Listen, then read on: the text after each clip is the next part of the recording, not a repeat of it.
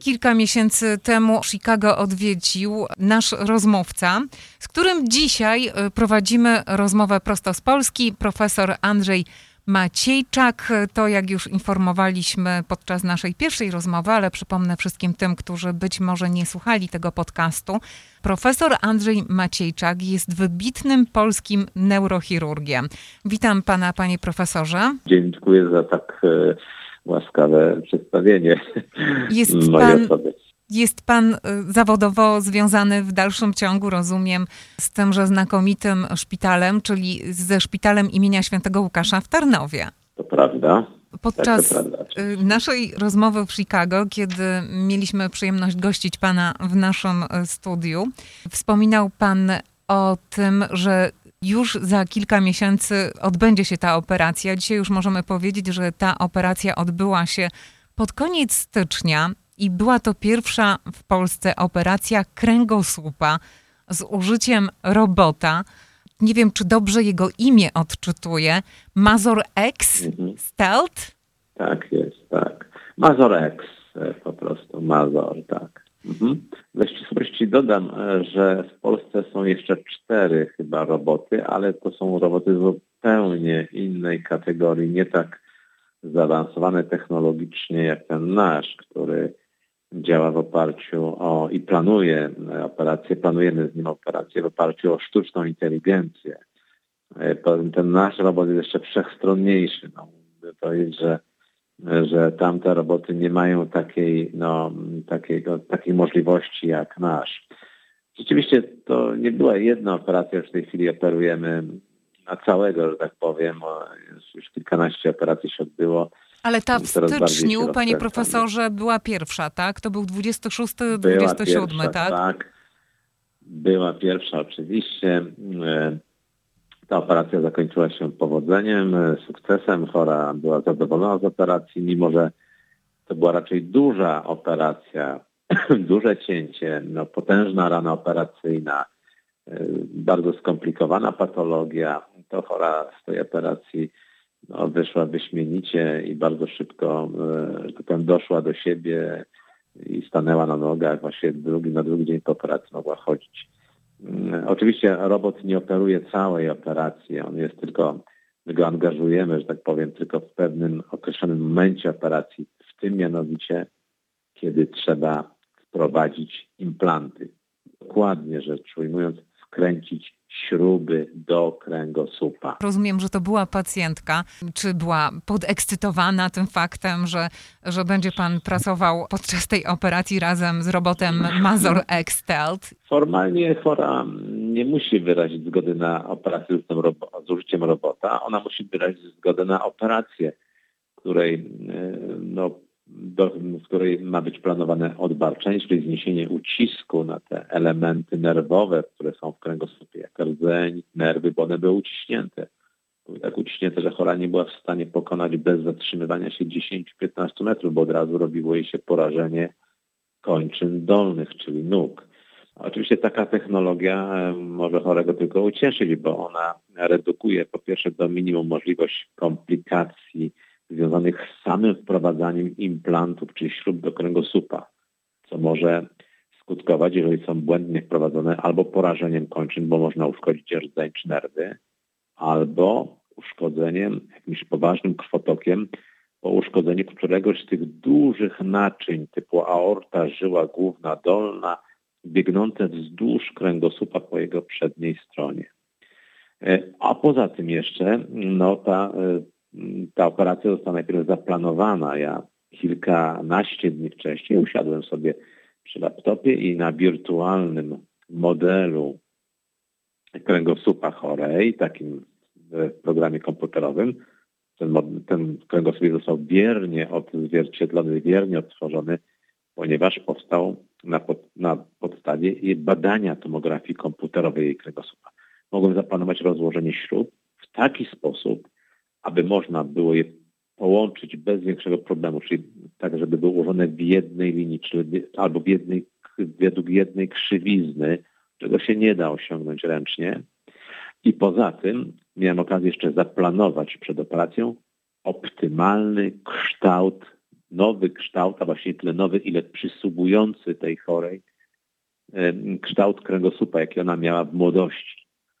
My potrafimy kształt kręgosłupa jak gdyby ocenić, jaki, obliczyć, skalkulować, jaki powinien być, taki należny choremu. Muszę powiedzieć Państwu, że każdy człowiek, każdy osobnik ma swój niepowtarzalny kształt kręgosłupa, jego krzywiznę, którą jesteśmy w stanie od, obliczyć albo, od, no, no, albo e, skalkulować.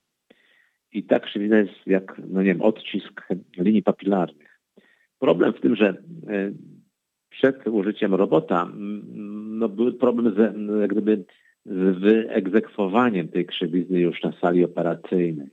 A to przez to, że te śruby mogły być perfekcyjnie, co prawda, wprowadzone do kręgów, tak żeby nie uszkodziły nic po drodze, ale nie w taki sposób względem siebie ułożone, aby można było ten kształt odtworzyć. Teraz jesteśmy bliżsi tego. A dlaczego jest tak ważne, żeby choremu otworzyć jego kształt kręgosłupa? U tych chorych, chorych, którzy mają deformację kręgosłupa, z powodu których operujemy te kręgosłupy? Ano dlatego, że jeżeli otworzymy nie, nie taki kształt, jak potrzeba, to chory może mieć problemy. Może powiedzieć problem w sensie jakiegoś dyskomfortu w utrzymaniu postawy stojącej. Źle zaprojektowana, czy źle uzyskana w czasie operacji krzywizna kręgosłupa, czy kształt kręgosłupa sprawia, że chorzy mają coś, co nazywamy balansem, zaburzeniami balansu strzałkowego, czyli problemami z utrzymaniem ergonomicznej, czyli swobodnej, niewymagającej wysiłku postawy stojącej.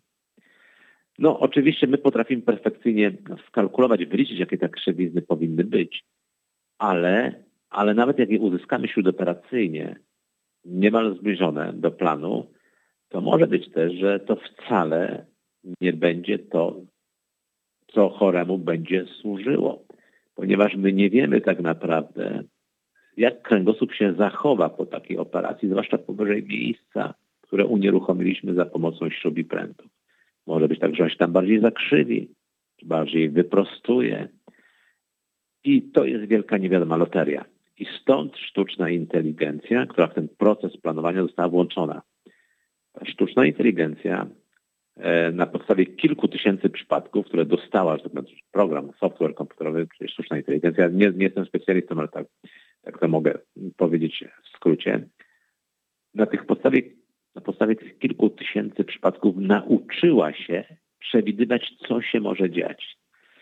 Skąd te przypadki się wzięły? Otóż no, e, to były takie badania ogólnoświatowe, program badań ogólnoświatowych z różnych ośrodków kręgosłupa na całym świecie. Już jeszcze pięć lat temu pamiętam, że, e, że ja, kiedy e, nasza klinika jako jedyna z Polski została włączona do tych badań, ja byłem bardzo dumny, że możemy dostarczać przypadki, na podstawie których potem ta sztuczna inteligencja się uczyła i, i ta firma miała wspaniałe osiągnięcia. Była francuska firma, ale została ona kupiona przez większego gracza na rynku sprzętu medycznego, czyli przez amerykańską firmę Medtronic i tylko po to, żeby ten, tą technologię planowania z udziałem sztucznej inteligencji wrzucić cudzysłowie oczywiście, do swojego robota. I to jest właśnie to. Panie profesorze, jak e, pan mówi robot, no to oczywiście od razu my, laicy, wyobrażamy sobie takie urządzenie właśnie z odnogami, które coś robi. Czy, czy to jest takie urządzenie? Proszę nam opowiedzieć, jak Mazor X Stealth wygląda. Na pewno to nie jest taki robot, który mówi usiądź w kącie, weź sobie kawę, ja za ciebie zoperuję. Nic podobnego. To nie jest jakiś humanoidalny kształt, jak sobie to wyobrażamy. E, no i prościej mówiąc, to jest takie ranie robotyczne, jak widujemy to często na przykład przy taśmach produkcyjnych, na przykład samochodów. Tam są właśnie roboty. To się nazywa to są dokładnie ramiona robotyczne, które są sterowane softwarem, programem komputerowym. I to samo jest właśnie z naszym robotem. To jest takie ramię robotyczne, które, dosta- które ustawia się sterowane e, programem, e, w którym jest plan zapisany przeze mnie przed operacją. I na przykład wciskam sobie na ekranie, monitorze tego robota, nazwijmy tak to w skrócie, że teraz chcę wprowadzić śrubę do kręgu tego, a tego po stronie lewej. Ramię robocze ustawia się dokładnie jak w fabryce. Ono ma taką prowadnicę, taką tuleję, przez którą tylko ja muszę przełożyć wiertło, długie wiertło, bzyk, nawiercić dziurę, potem wziąć gwintownik potem wkręcić śrubę. Wiem, że mi nie drgnie ręka, bo to ramię sztywno jest ustawione nad celem, dokładnie trajektoria, kąt, wszystko to ramię ma w pamięci e, z tego procesu planowania. I moim zadaniem jest tylko nacisnąć red button i, i, i wkręcić śrubę. Nie muszę się obawiać, że może inaczej ją pochylę albo y, do siebie za bardzo wezmę, albo na przykład pod tym kątem, ale drgnie mi ręka. Nic takiego. Ja tylko patrzę w monitor, monitor komputera robota i jak w grach wirtualnych e, komputerowych, nie muszę patrzeć w planę operacyjną. Także to mniej więcej tak wygląda.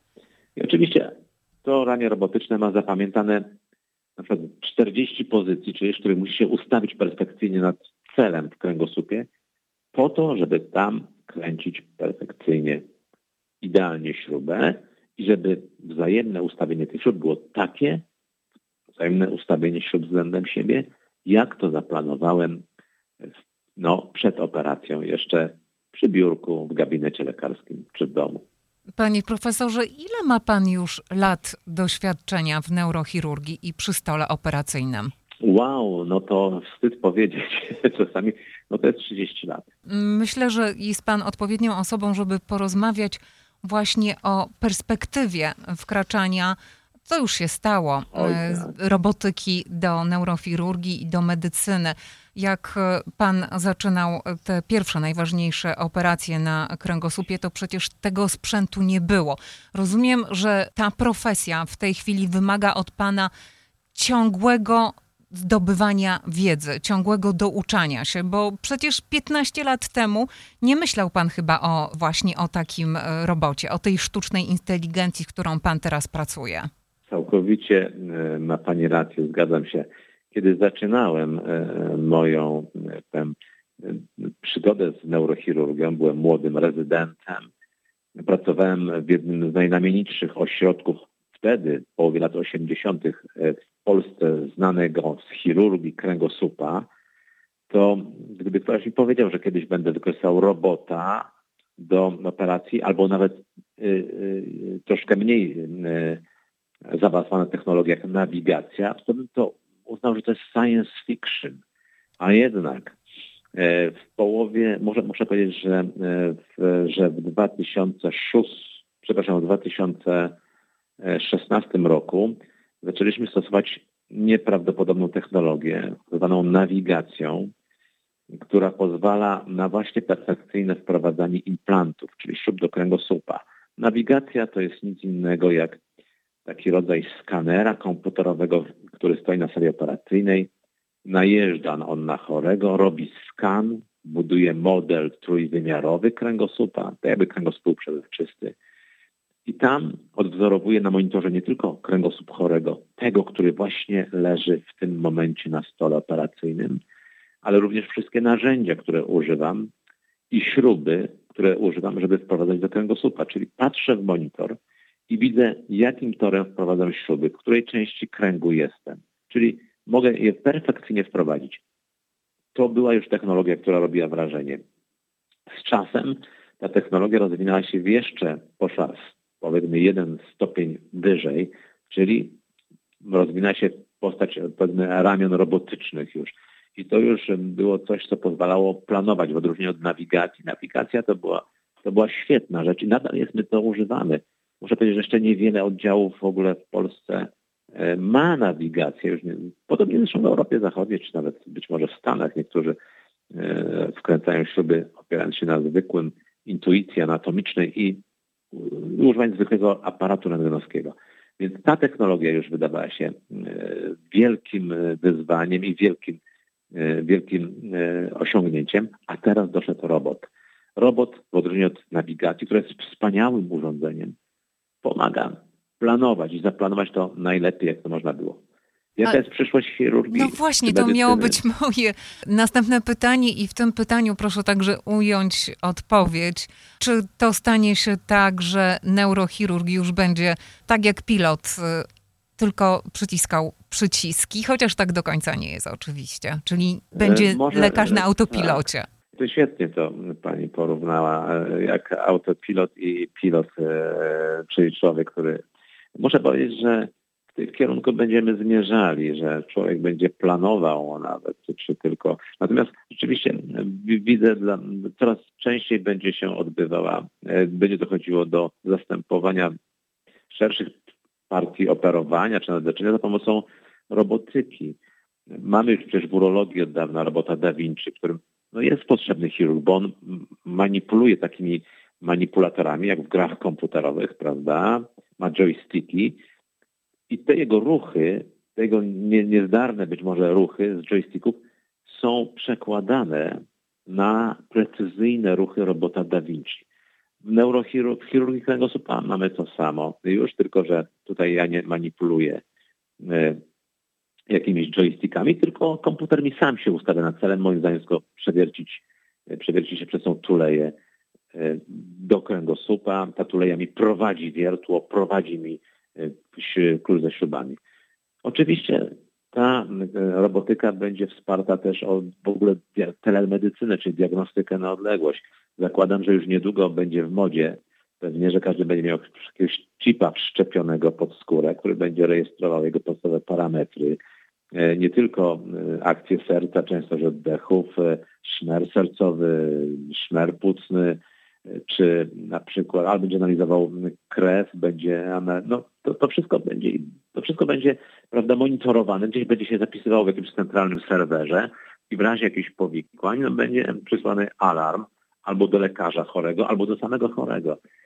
I to jest przyszłość. Wydaje nam się, że to brzmi jak science fiction, ale proszę mi wierzyć, jak ja porównuję sobie, od czego ja zaczynam, to za mojego jednego pokolenia chirurgicznego, ja jeszcze nie, nie skończyłem mojego, mojej, mojej misji chirurgicznej, ale za niecałej mojej pra praktyki zawodowej dokonało się tyle w medycynie, że to idzie w postępie geometrycznym. Tak krzywa coraz bardziej robi się stroma i w ciągu coraz krótszego okresu czasu będziemy mieli coraz to nowe osiągnięcia, więc no, no ale... fascynujące, jak powiedziałem. Chciałbym dożyć osiemdziesiątki, żeby zobaczyć jak to będzie za, za te na przykład 20 lat prawie. Ale jest Pan zwolennikiem prewencji i higieny życia. Proszę na koniec przypomnieć nam, co możemy zrobić, żeby zachować nasz kręgosłup w jak najlepszej formie, jak najdłużej. No, to powiem krótko. Ruch, ruch i jeszcze raz ruch i unikanie postawy siedzącej, zwłaszcza długotrwałej siedzącej postawy i niedbałej postawy siądzącej. Ja lubię to e, powtarzać, ale człowiek doszedł do tego stopnia rozwoju cywilizacyjnego i w ogóle rozwoju mózgowego dzięki temu, że na pewnym etapie rozwoju tych naczelnych humanoidów doszło do wytworzenia u niego lordozy lędźwiowej, czyli pewnej krzywizny w odcinku lędźwiowym kręgosłupa skierowanej do przodu. I taka krzywizna umożliwia swobodną postawę stojącą bez wysiłku. Każdy z nas może stać bez wysiłku. Nie musi się zmagać, czy natężać, czy wypinać mięśni kręgosłupa czy brzucha. I ta postawa uwolniła nam ręce, a mając uwolnione ręce, takie pierwotne humanoidy zaczęły no, stosować, wytwarzać narzędzia, zbieractwo i tak dalej, co wpłynęło dramatycznie na szybki rozwój mózgowia. Więc Teraz obserwujemy coś odwrotnego. Człowiek zaczyna tracić postawę stojącą na rzecz siedzącej. Siedzimy w aucie, no to jest zrozumiałe. Siedzimy przed komputerem, siedzimy przed telewizorem, ale za dużo siedzimy. Ja wiem, że nie da się uniknąć we współczesnym świecie siedzenia, ale pamiętajmy, żeby naszemu kręgosłupowi codziennie chociaż dać jakąś sporą porcję ruchu. To nie musi być wysiłek ekstremalny, to nie musi być jakiś profesjonalny sport Nordic walking, przejść na spacer. No coś, co sprawia, że będziemy używali naszego kręgosłupa. Jeżeli on nie będzie używany, będzie zastygał nam w postawie siedzącej, niedbałej, to możemy się spodziewać tego, że będziemy mieli bóle. Ale to nie jest tak, panie profesorze, że ponieważ już od pokoleń więcej siedzimy, że też zachodzą jakieś zmiany, że może, że może się przystosowujemy do tego? E, oczywiście to będzie tak, przy, tak, taki jest tok ewolucji, że z czasem być może będzie się przystosowywał, ale będzie e, po drodze zbierze wiele ofiar. No bo, no bo w postaci bólów kręgosłupa. E, może doskonale wiadomo, że niemal 100% zdrowej populacji doświadczyło kiedyś, ma aktualnie albo będzie miało co najmniej jeden incydent bólu kręgosłupa. A z tych, którzy już mieli ból kręgosłupa, nawet 60% może mieć bóle przewlekłe. Nie twierdzę, że ci wszyscy e, ludzie z bólami kręgosłupa trafią na stół operacyjny, ale mogą się zmagać z tymi bólami. Dlatego polecam ruch. Ruch i umiarkowany sport. Tak. A kiedy pan się wybiera do Stanów Zjednoczonych ponownie? Wow, e, konkretnych planów na przyszłość nie mam, taką najbliższą przyszłość, ale kto wie, może czasami takie, takie wyjazdy wpadają z nienacka, zatem być może po pierwszych doświadczeniach już takich z robotem będę miał okazję podzielić się moimi doświadczeniami z kolegami amerykańskimi, bo oczywiście w Ameryce jest około 200 tych robotów, czy 300 nawet, aczkolwiek no pochwalę się, nie są one używane y, w znacznym odsetku przypadków, znakomicie nie są używane w tak skomplikowanych operacjach, jakie my robimy. Dlatego u nas w Tarnowie powstanie centrum szkoleniowe dla lekarzy no, z Polski, z Europy i z całego świata, którzy będą mogli obserwować y, właśnie niektóre operacje, które wykonujemy z robotem. A wiem, że w Europie chyba nie, nie we wszystkich się robi takie skomplikowane deformacje, do których robot w sam raz się nadaje, jak u nas. Więc e, mam nadzieję, że e, po pierwszych doświadczeniach, to zajmie oczywiście kilka miesięcy, bo nie da, nie da się zebrać doświadczeń w ciągu miesiąca czy dwóch, będę miał szansę e, pierwsze wrażenia no, przedstawić na jakimś sympozjum, na jakimś kongresie naukowym, właśnie być może w Stanach Zjednoczonych chciałbym oczywiście. Dziękujemy jeszcze raz y, za to, że przede wszystkim y, wytłumaczył Pan nam, pacjentom, laikom, jak to wszystko działa. No i reasumując, powiedzmy szczerze, sztucznej inteligencji nie należy się bać. Nie należy się bać. Przypomnę, że naszym rozmówcą był wybitny polski neurochirurg profesor Andrzej Maciejczak. Redakcja Dziennika Związkowego w Radiu 103.1 FM.